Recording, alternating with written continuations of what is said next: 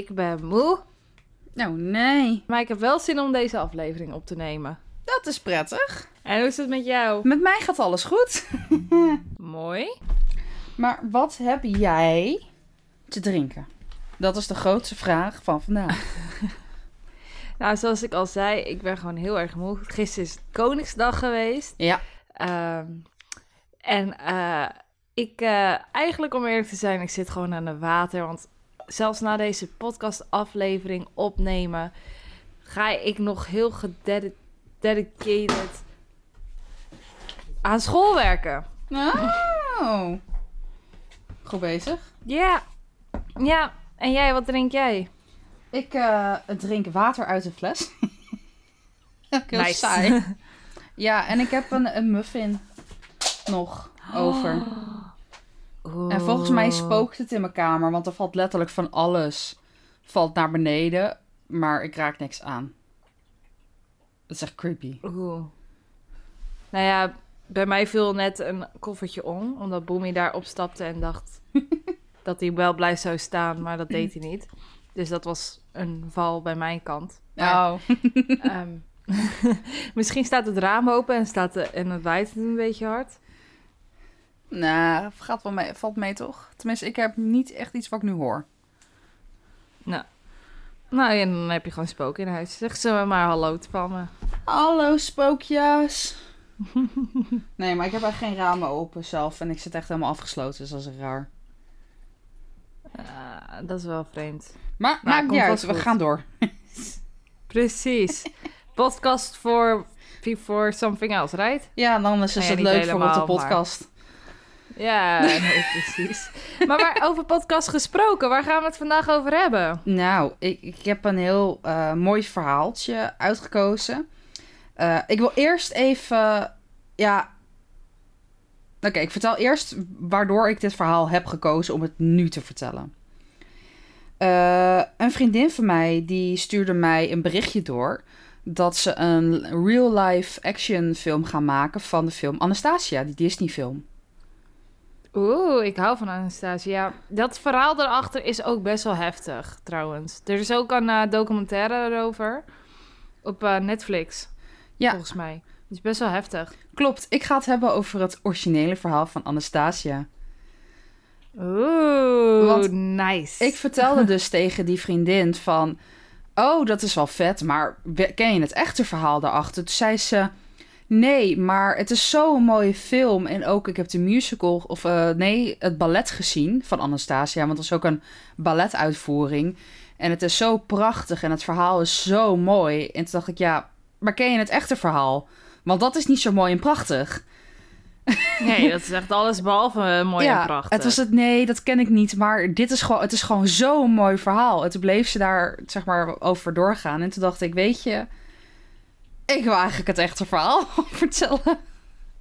Want Nou, ja, en, weet je wat erg is? Dat- Ik heb de film Anastasia, zeg maar de Disney film, heb ik wel een keer gezien. Maar dat is zo Mhm. lang geleden. Dat ik gewoon niet Ja. meer weet hoe, wat en waar. daar kan ik, daar kan ik je bij helpen. Want eh, ik denk dat ik hem nog een halfjaartje, nee, iets meer dan een half jaar, misschien een jaar geleden of zo nog heb gezien. Oké. Dus daar kan ik je mee helpen. nou, dat mag jij mij dan niet na deze mijn- aflevering vertellen. Ja, is goed. is goed. Maar ja, brand los. Ik wil wel heel even een disclaimer geven. Eh, want het verhaal van Anastasia speelt zich af in Rusland. En we hebben nu natuurlijk eh, de ja, oorlog tussen Rusland en Oekraïne. En ik wil er toch wel eventjes bij stilstaan. Eh, onze medeleven gaat natuurlijk uit aan alle mensen eh, die nu in Oekraïne zitten. Ook de mensen die in Rusland zitten en die niet iets te maken willen hebben met deze hele oorlog. Ehm, ik hoop verder dat iedereen gewoon zo veilig mogelijk is. En voor de mensen die hier nu naar Nederland zijn gevlucht. Ik hoop dat het goed gaat met jullie. En als je familie of vrienden hebt die in de oorlog zitten of die het bewust meemaken, eh, heel veel sterkte voor hun. En ik hoop echt dat alles goed komt. Eh, dat wilde ik eventjes zeggen voordat wij echt gaan beginnen aan deze aflevering. Want dit gaat ook een stukje over de oorlog in Rusland. Alleen niet degene die zich momenteel plaatsvindt. En ik sluit me natuurlijk helemaal aan bij deze, deze woorden. Ja, daarom. Maar ik wil, ik wil toch even bij stilstaan voordat we echt de aflevering gaan induiken. Ja. Nee, dat is... eh, So, uh, we stand with Slim. Ukraine. En eh, ja, Ja. dat wilde ik even zeggen. Dan eh, ga ik nu het intro starten.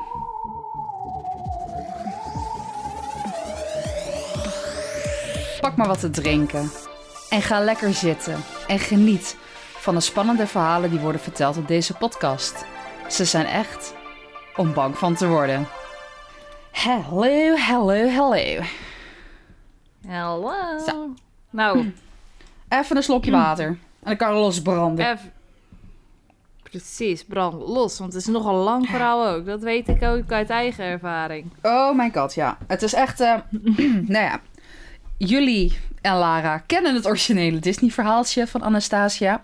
De prachtig mooie film. Eh, ik weet Mhm. niet hoe die eindigt. Maar ik denk niet zoals mijn verhaaltje. Nou, deze eindigt nog een soort van happy. Ja, oké. Ze heeft er... Ja, ja, ze heeft haar oma gevonden, maar ondertussen is ze verliefd geworden op iemand. En dan gaat ze daarmee op het bootje en dan is het happily ever after. Ah, Ja, schattig oké. nou, wij gaan het hebben over de originele Anastasia. Dus waar ook het Disney-sprookje op gebaseerd is. En ik kan je één ding Mhm. zeggen. Dit is niet echt een sprookje. Dit is verre van een sprookje.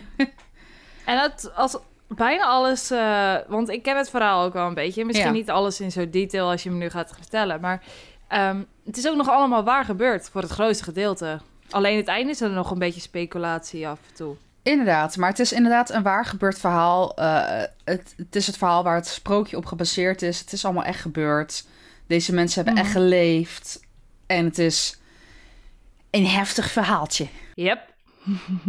Maar voor mijn verhaal gaan wij terug naar 5 juni 1901. Want toen werd Anastasia, nu moet ik het even goed uitspreken, alvast sorry, mijn Russisch is niet al te best. Maar ik heb hierop geoefend. Anastasia Nikolaevna Romanova werd geboren.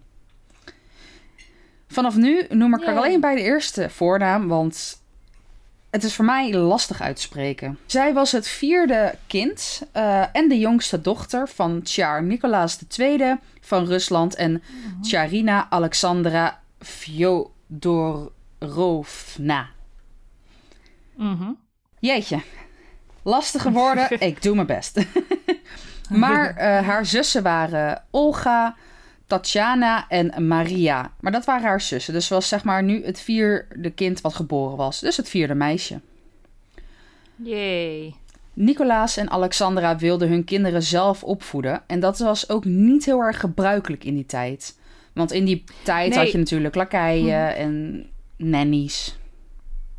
Die Ja, eigenlijk... het, het schijnt, Ja, het schijnt dit, dit koppel schijnt ook eh, dat heel veel mensen, zeker in royal families, op een gegeven moment gewoon gaan trouwen met iemand met hoge staat, omdat dat moet, zeg maar. Ja. Ook vanwege cultuur en zo. Maar eh Nicolaas en, oh, dan ben ik even haar naam van de moeder vergeten. Alexandra. Eh, Alexandra, dankjewel. Eh die schijnen ook echt getrouwd te zijn uit liefde, toch? Klopt. Ja. Dus dit is, dit is in dat opzicht is dat wel heel mooi en heel, heel lief. Ja, klopt.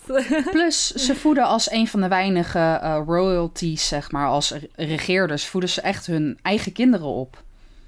Mhm. En Anastasia groeide hierdoor op in een hecht en gelukkig gezin. En ze trekte heel erg veel op met haar zusjes. Eh, maar ze werden alsnog, weet je, het, het is een normaal gezin, maar ze worden wel klaargestoomd om leiders te zijn of om hoge posities te kunnen krijgen. Natuurlijk. Ik bedoel, je wordt niet voor niks geboren in een royal family. Nee, precies. Even kijken. Je hebt dan gewoon altijd verantwoordelijkheden, of je het nou wil of niet. Dus ze hadden ook heel veel verschillende soorten lessen. Ze hadden bijvoorbeeld lessen in etiketten, piano spelen en heel veel verschillende taallessen. En vanwege de achtergrond van hun moeder eh, spraken ze ook vloeiend Duits en Engels. En uiteindelijk spreekt ze dus ook Russisch, maar dat is wel logisch, maar ook Frans. Dat is meer dan wat ik spreek. Ja, ik ook spreek meer dan dat ik en spreek. Engels. Ja, hun ik Duits, zou Duits Russisch, kunnen Engels begrijpen als je Rus... Ja, ik zou, ik zou ehm, Duits kunnen begrijpen als je langzaam praat. Ja, ja, als je langzaam praat, dan begrijp ik het enigszins. Maar ik heb eh, Duits na een jaar laten vallen, omdat ik het te lief uitsprak. dat zijn mijn Duitsers en Te- altijd. Zei het altijd te lief. Oh, wauw. Ja, ik, ik, letterlijk, ze zei letterlijk, jij kan geen Duits, want je spreekt het te lief uit. Dus je kan het maar beter gewoon zakken en er niet meer mee verder gaan. En toen dacht ik, nou weet je, Goeie prima. motivatie. Goeie motivatie. Ja, zeker. Het was niet echt een hele motiverende les voor mij. Maar dat maakt niet uit. In ieder geval, de meisjes werd eh, wel echt op het hart gedrukt dat ze zich moeten gedragen als een echte dame. Zodat zij dus later goede posities zouden kunnen krijgen op de koninklijke Europese huwelijksmarkt. Ik zeg, Hey. één prinsesje, één prinsesje. Wie biedt eenmaal, andermaal verkocht aan de heer daar in het rood. Sorry, Ja. dat is echt wat Ja, ik voor me zie. In sommige, in sommige cu- culturen gebeurt het. Inderdaad, en dat is bij hun natuurlijk ook zo. En je moest ook in die tijd geluk hebben, net zoals de ouders, dat je gewoon in, door liefde kan trouwen. Ja. Maar dat gebeurde ook niet heel veel. Kijk, nu is het bijna niet anders. Maar eh, vroeger was het toch echt wel anders. En nog steeds gebeurt het, hè, het uithuwelijken van mensen in bepaalde culturen. Oh ja, sowieso.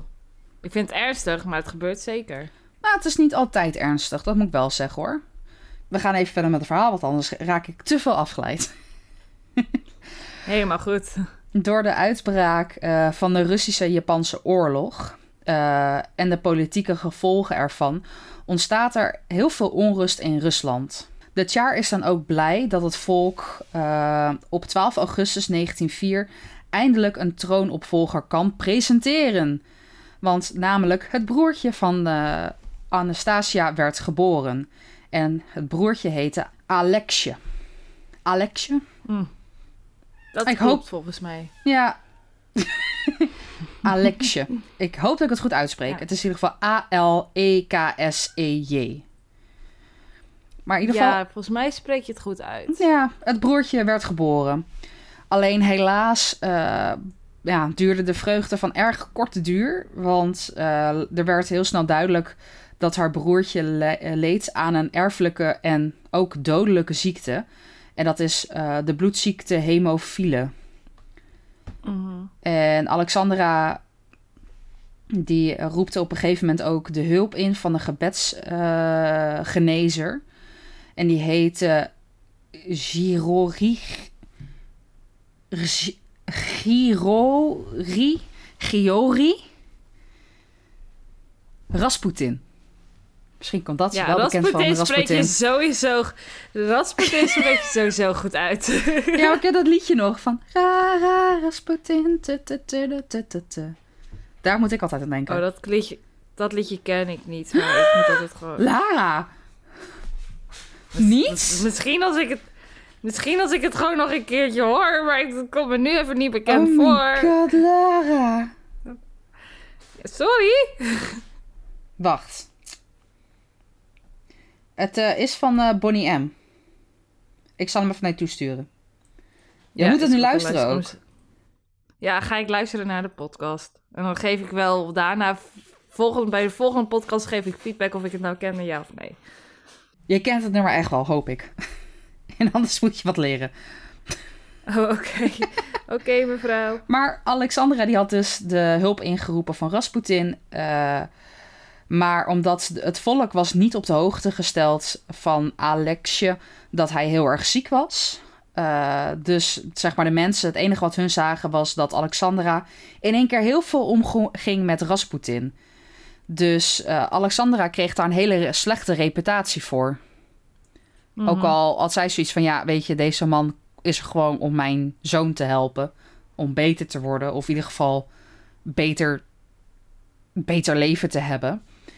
Maar ze hadden niet Ja. aan, het, eh, aan het volk verteld van... hé, hey, we hebben een kind gekregen, dit is eindelijk de troonopvolger... maar hij is super ziek. Weet je, Ja. ik snap ook wel dat je dat niet meteen deelt. Ja, maar, ze, maar in die tijd eh, moet je wel bedenken dat, dat vrouwen niet zomaar troonopvolgers konden worden. En Nee. dat was hun letterlijk hun enige erfgenaam. Nee, maar Dus ik daarom snap ik ook wel dat je ook niet meteen zegt... hé, hey, we hebben een erfgenaam en hij is bij de way vet ziek. Ja, Dat, dat is zeg maar wat ik snap. ja, precies. Dus dat was gewoon lastig voor hun. Mhm. Maar we gaan nu even een paar jaar vooruit. In 1914 breekt namelijk de Tweede Oorlog uit. Want we zaten net in die Eerste Oorlog, de Russische-Japanse Oorlog. Mhm. Maar in 1914 brak de Eerste Wereldoorlog uit. Maar om mijn bijdrage te kunnen leveren, gingen Alexandra en haar twee oudste dochters, Olga en Tatjana, eh, een spoedcursus volgen tot verpleegster. Eh, Maria en Anastasia waren hier nog te jong voor, maar ze gingen wel regelmatig mee om te kijken bij operaties in het ziekenhuis. Oh, nou, wat lekker dan. Ja, nee, ik heb zoiets van: je bent te jong om verpleegkundige te worden, maar je gaat wel kijken naar hoe mensen worden opengesneden. Ja, dat, dat zit ik dus ook te bedenken. Maar eh, Ja, het, het kan. is een beetje apart. maar in ieder geval, Ja, ehm. Anastasia die vond het wel heel leuk daar in het, eh, in het ziekenhuis, want ze was echt de komiek van de familie. Dus eh zo weerst ook heel veel soldaten eigenlijk op te vrolijken in het ziekenhuis, net zoals haar broertje. Want zij en haar broertje Nou. hadden een hele sterke band. En als hij heel veel pijn had of het ging niet goed met hem, dan probeerde, of dat deed Anastasia echt alles eraan om hem weer op te vrolijken. Maar dat deed ze dus ook bij de Oh. soldaten. Oh, kijk, dat zijn nou dus goede broer-zus eh, relaties. eh. Ja, hun waren echt gewoon super close, weet je. En het is ook echt heel lief dat Anastasia ook gewoon eh, probeert om nou ja, de soldaten op te vrolijken. Want zij kan Mhm. gewoon, je kan niks doen. Dus in ieder geval maar zorgen dat ze een wat blijere dag hebben. Nee, precies. Maar ja, Nee, inderdaad, daar ben ik het mee eens. dat was in ieder geval 1914. We gaan nu eh, verder naar 1916. Want in 1916 kreeg de familie te horen dat Rasputin was vermoord. Ja, de man die het broertje hielp om beter te worden. Mhm. En het erge is, de moordenaars waren eh, prins Felix en de grootvorst Dimitri. En dat is hun eigen familie. Ja, dat is niet handig, hè? Nee. Dus eh, Alexandra en haar dochters die hadden zich helemaal afgezonderd eh, een paar dagen om te rouwen. En daarnaast, eh, daarna gingen ze snel weer aan het werk in de ziekenhuizen. Want er was nog steeds oorlog. Mhm. Maar ja, dat lijkt me echt wel heel erg heftig. Want dan heb je een ziek kind. Dan heb je een verpleger die je goed vertrouwt. Die dat kind gewoon helpt. En dan wordt hij even vermoord. Omdat ze Ja, dat dachten dat? Alexandra een geheime relatie had met hem. Ja, maar dat is toch ook gewoon heftig. Kom op, zeg. Ja, ik bedoel... Als je denkt, hm, diegene heeft een geheime relatie... dan zou ik niet meteen denken, hup, let's murder. Nee, Maar- ik ook niet. Ik zou eerst even een verhaal ophalen. Maar ja, dat is die tijd dan, denk ik. Nou, dat is gewoon raar. Een beetje Ja. heftig. Weet je wel. Weet je. Maar in ieder geval... Klein beetje maar. De oorlog zorgde voor veel onrust in Rusland en helaas had het leger daar weinig succes. En in 1917 zijn er ruim 6 miljoen Russische soldaten om het leven gekomen. Jeez. Kijk, ik moet dan zeggen, als je nu kijkt naar de oorlog, sorry dat ik het zeg, maar toen je het ook niet al te goed, maar dat is maar beter. Ik wil graag niet nog een derde wereldoorlog meemaken, heel eerlijk gezegd. Het liever niet, nee. Nee, maar in, zeg maar toen, in die tijd, in de Eerste Wereldoorlog, ja, dat is dat zeker niet heel fijn geweest voor Rusland. Nee, dat lijkt me toch ook niet. Ik bedoel, 7 miljoen, zei je? Eh 6 miljoen. 6 miljoen. 6 miljoen, dat is Ruim geen 6 klein miljoen. getal. Nee. Dat is geen klein getal. En ook in die tijd ging het erg slecht met de economie van Rusland. Eh, Mhm. Ze hadden groot voedseltekort en groot brandstoftekort. En de burgers waren zeker niet blij, want al het, e- het eten was al heel erg schaars. En het eten wat er was, ging vaak naar het leger toe. En daardoor Mhm. ontstonden er veel voedselrellen en opstanden. En die werden heel erg gewelddadig onderdrukt door het leger van de Tsjaar. Dus haar vader van Anastasia. Ja, ja, ja. En ook hier raakten dus echt honderden mensen kwamen op het leven of raakten gewond door die opstanden. Mhm. Dus dit zorgde voor nog meer onvrede. En in 1917 eh, slaan de voedselrellen om tot politieke opstanden. En het Russische volk haat echt, zeg maar, de Tsar en zijn hele familie. Dus ook Anastasia, weet je wel, die gewoon soldaten probeert te vermaken. Nee, pure haat eraan. Ja. En ik kan er wel wat mee, want zeg maar, als je helemaal geen eten hebt, het, het wordt steeds slechter. Je moet vechten om je eten. Ik snap al dat je iets moet gaan haten op een gegeven moment. Ja, maar ja, aan de andere... Ja, ja en nee. Ja, ja, Nou, ik, ja, ik, ik zeg snap maar, hem. ik snap dat je Ja, de char misschien wel haat. Vooral als ik me probeer te verplaatsen in die mensen. Mhm. Eh, weet je, je wilt eten krijgen, je probeert eten te krijgen. En het leger van... Zeg maar, stel, we hebben nu allemaal geen eter. En Willem-Alexander die zegt... eh, iedereen die een brood probeert te stelen, die, die slaan we even helemaal in elkaar. En die krijgt gewoon geen eten meer. Zijn hele familie ook niet meer. Dan snap ik wel dat je op een gegeven moment... Ik zou wel Willem-Alexander dan gaan haten. Eh, ja, ik denk het. Ja. Maar ja, weet je, Om Willem het zo even te zeggen. Willem Alexander maakt die beslissingen niet. Hè? Dat is bij ons gewoon de Nee, politiek. Dat weet ik. Maar, ik- om ja, het ja, even maar ik snap, ik snap je punt. Ik snap een punt, voorbeeld te schetsen. Ik snap je punt. Heel veel Russisch mensen waren boos. Op 24 Mhm. februari in 1917 begint in Moskou een spontane volksopstand. En dat is eigenlijk de eerste fase van de Russische revolutie. En op een gegeven moment was dus een opstand en de soldaten van de garde... die schieten op een gegeven moment zelfs hun eigen officieren neer... en doen met de opstand mee. Oh jee. Ja. En een week later, op 2 maart, doet Nicolaas gedwongen eh, afstand van de troon. En zijn broer Michael, die heeft dus op een gegeven moment de troon overgenomen. Mhm. De nieuwe regering van Rusland neemt Nicolaas, Alexandra en de kinderen gevangen. Maar in 1917 komen op een gegeven moment de. Oh, Oké, ik hoop echt dat ik dit goed uitspreek. De Bolsjewieken komen aan de macht. Mhm. En er wordt besloten dat Tsar en zijn gezin weg moet uit To... Tobolks. Uit Tobolks. Uiteindelijk... Is dat het paleis? Wat zei? Is dat het paleis of iets? Dat is zeg maar eh, waar ze gevangen zaten. Dat is de Mhm. stad, Ja, ja, ja, oké. geloof ik. Ik heb heel veel verhalen bij elkaar gepakt. Geef niet, ga verder. You do, doing good. I hope so. Eh, maar in ieder geval, uiteindelijk komen ze in mm, Jekaterinburg terecht. Dat is een stad. Jekater- Jekaterinenburg. Ja. Dat is een stad. Hey, ik heb Russische kennis, jongens. Goed bezig, Laar. Ja, jongen. Eh, en daar hebben ze een korte tijd gevangen gezeten. En op een gegeven moment zijn Anastasia en haar familie op de, in de nacht van 16 op 17 juli 1918 in de kelder van het IPAF-huis op bevel van commander Jakov, Jakov eh Jurkowski worden ze geëxecuteerd. Mhm, Klopt. Echter, over- Jekaterinenburg staat, staat ook echt, echt heel erg bekend juist om deze moorden. Inderdaad. Maar wat het erg was, Mhm. zeg maar, ze werden daar in het Ipatiefhuis werden ze geëxecuteerd.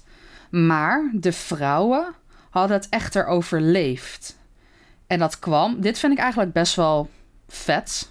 En het is, je wordt geëxecuteerd. Ik bedoel, oh mijn, je- het is echt heel heftig. Maar wat ik heel, ja, slim vond. Eh, de vrouwen hadden Mhm. het overleefd. En dat kwam omdat ze diamanten in een corset hadden eh, genaaid. Dus lijkt me niet heel slim. comfortabel zitten. Mij ook niet. Maar Laten we ik bedoel, zijn. dat is gewoon kogelwerend vest bijna. Maar dan van diamanten. Hoe luxe is dat? Zou ook wel zwaar zijn. Die oh, die mensen die zijn sterk. ik Ja, denk echt, als je zo'n corset aantrekt, dat is zo'n hele workout op zich, joh. Ja, precies. Maar, Maar je hoeft hier tenminste niet meer te sporten. dat is waar. Voordeel. Maar in ieder geval, de kogels die konden dus niet door de corsetten heen. Dus uiteindelijk werden zij doodgestoken. Dat is wel Ja, dat een beetje fijn. zielig. Dus in juli, dus in de nacht ergens eh, op 16 op 17 juli 1918 is de hele familie eh, geëxecuteerd. Mhm. Hier komt een beetje het gekke verhaal. De soldaten die dumpten de lichamen in een mijnbouwschaft. Maar er stond niet genoeg water om, zeg maar, het water was niet hoog genoeg om de lichamen te verbergen. Dus toen hadden ze zoiets van: oké, weet je, we proberen de lichamen van Alexandra en Alexje, dus zeg maar het broertje, en de dokter, want ze hadden ook nog een dokter, een andere dokter, maar dat is zeg maar de, de nieuwe dokter van het broertje. Die, Mhm. probeerden ze te eh, die probeerden ze te verbranden, maar dat lukte niet. Dus eerst dump je het in een mijnschafbouw, dat werkt niet. Daarna probeer je een gedeelte van de lichamen te verbranden, maar dat lukte ook niet. Dus ze Mhm. brachten alle li- lichamen naar een andere mijnschaft. Maar tijdens de rit dat ze dus de lichamen gingen vervoeren, eh, kwam de vrachtwagen eh, kwam vast te zitten in de modder. En dat was in een landweggetje ten noorden van Jekaterinburg. Jekaterinburg, Jekaterinenburg? inderdaad. En ze, kunnen de, ze konden de vrachtwagen niet loskrijgen.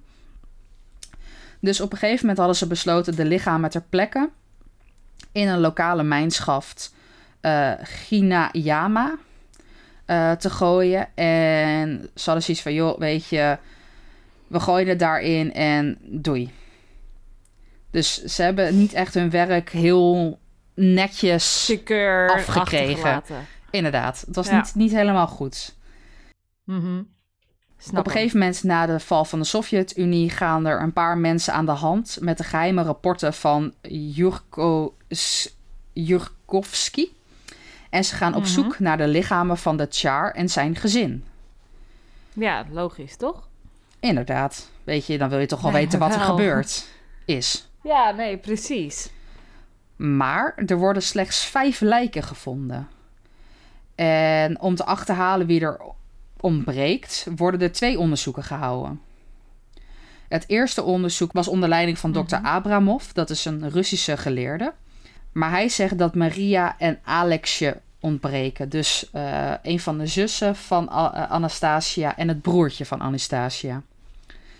Ja. Maar in het tweede onderzoek komt naar voren, en dat is van een Amerikaanse onderzoeker, en die heet William Mapples.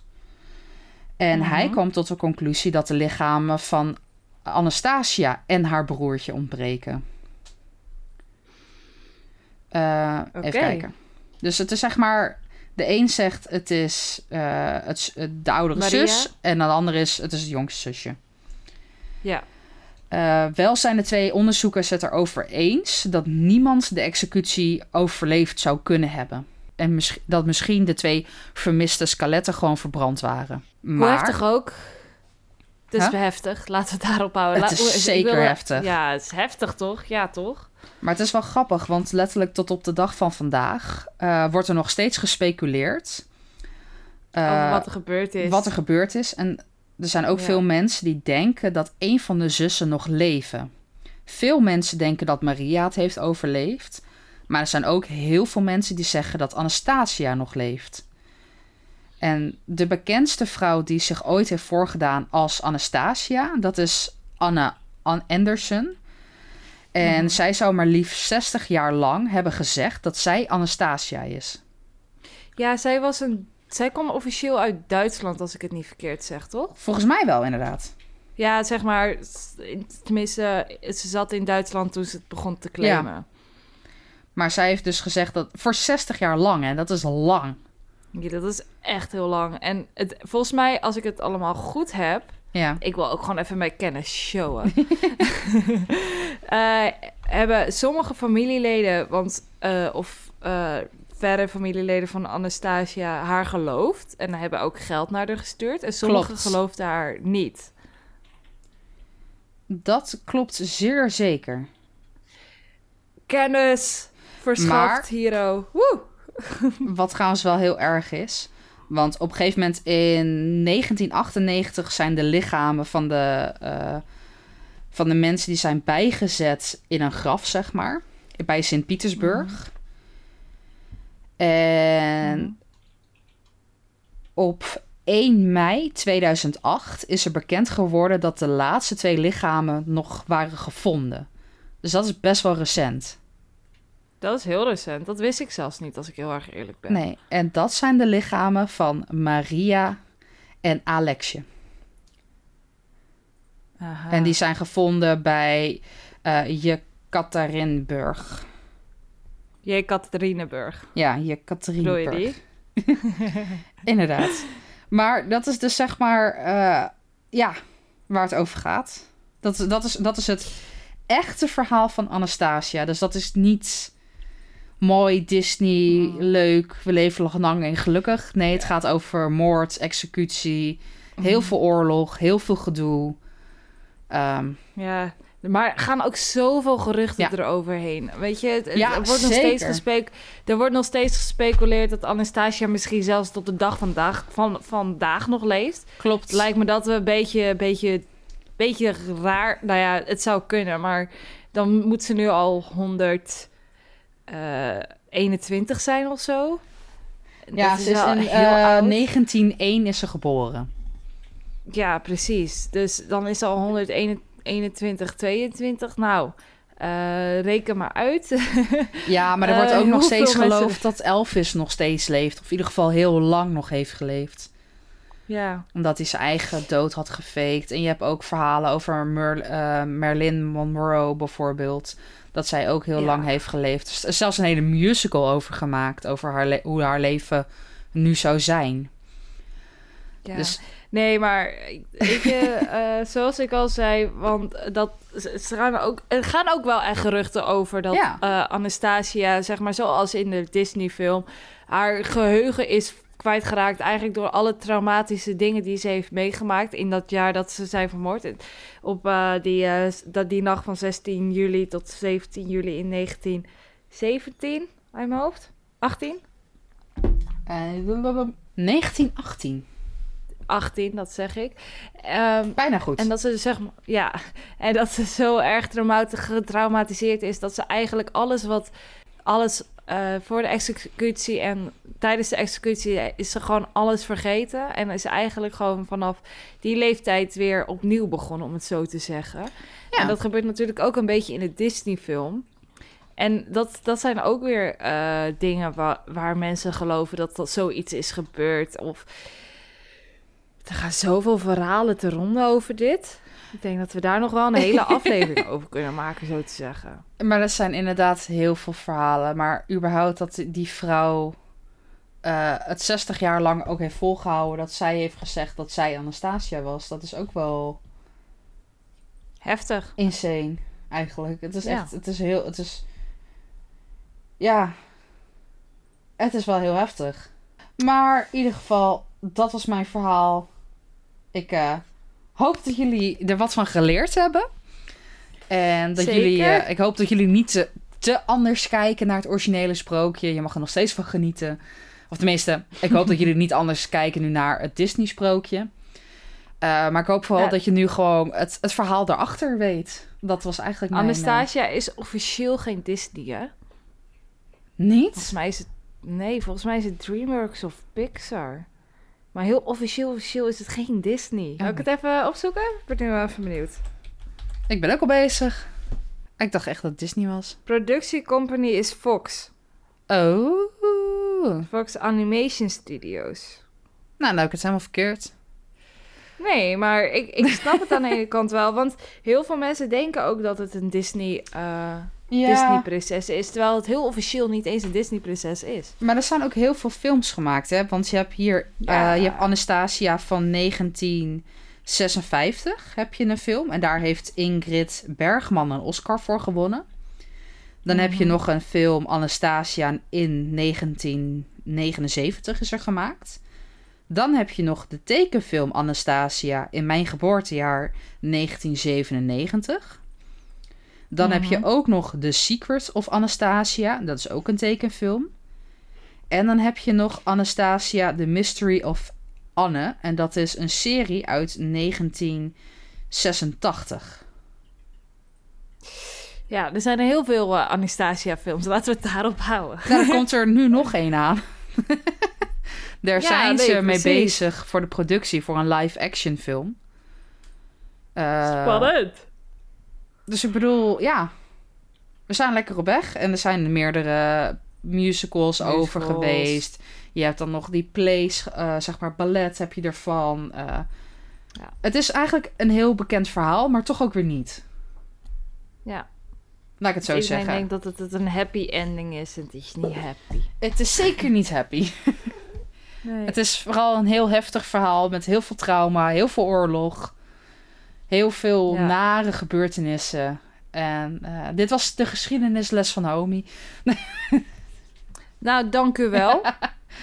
Eh, ik, wel, ik, wel, ik had graag gewild dat je het eh, gehele verhaal vertelde met alle facts. Dus ook waar Anastasia nou echt is geweest en dat, dat soort dingen. Maar ik denk dat we daar nooit achter gaan komen. wat waar Anastasia echt is geweest. Ja, ik dacht misschien kom je met stiekem stomme nieuwe insights van... dit is er nou echt gebeurd met Anastasia. Nou, met- ik vind dat ik vrij veel verteld heb al. Ik kan nog wel één leuk, of nou ja, leuk. Ik kan nog wel één feitje geven. Eh, Fun fact, fun fact. Anastasia was niet eh, het slankste meisje. Ze werd zeg maar dat ze steeds wat ouder werd, werd ze gewoon wat steviger. Ik wil niet zeggen dat Mm. ze dik was of wat dan ook, maar ze was gewoon wat steviger. Weet je, het is niet eh, dat je de botten ziet.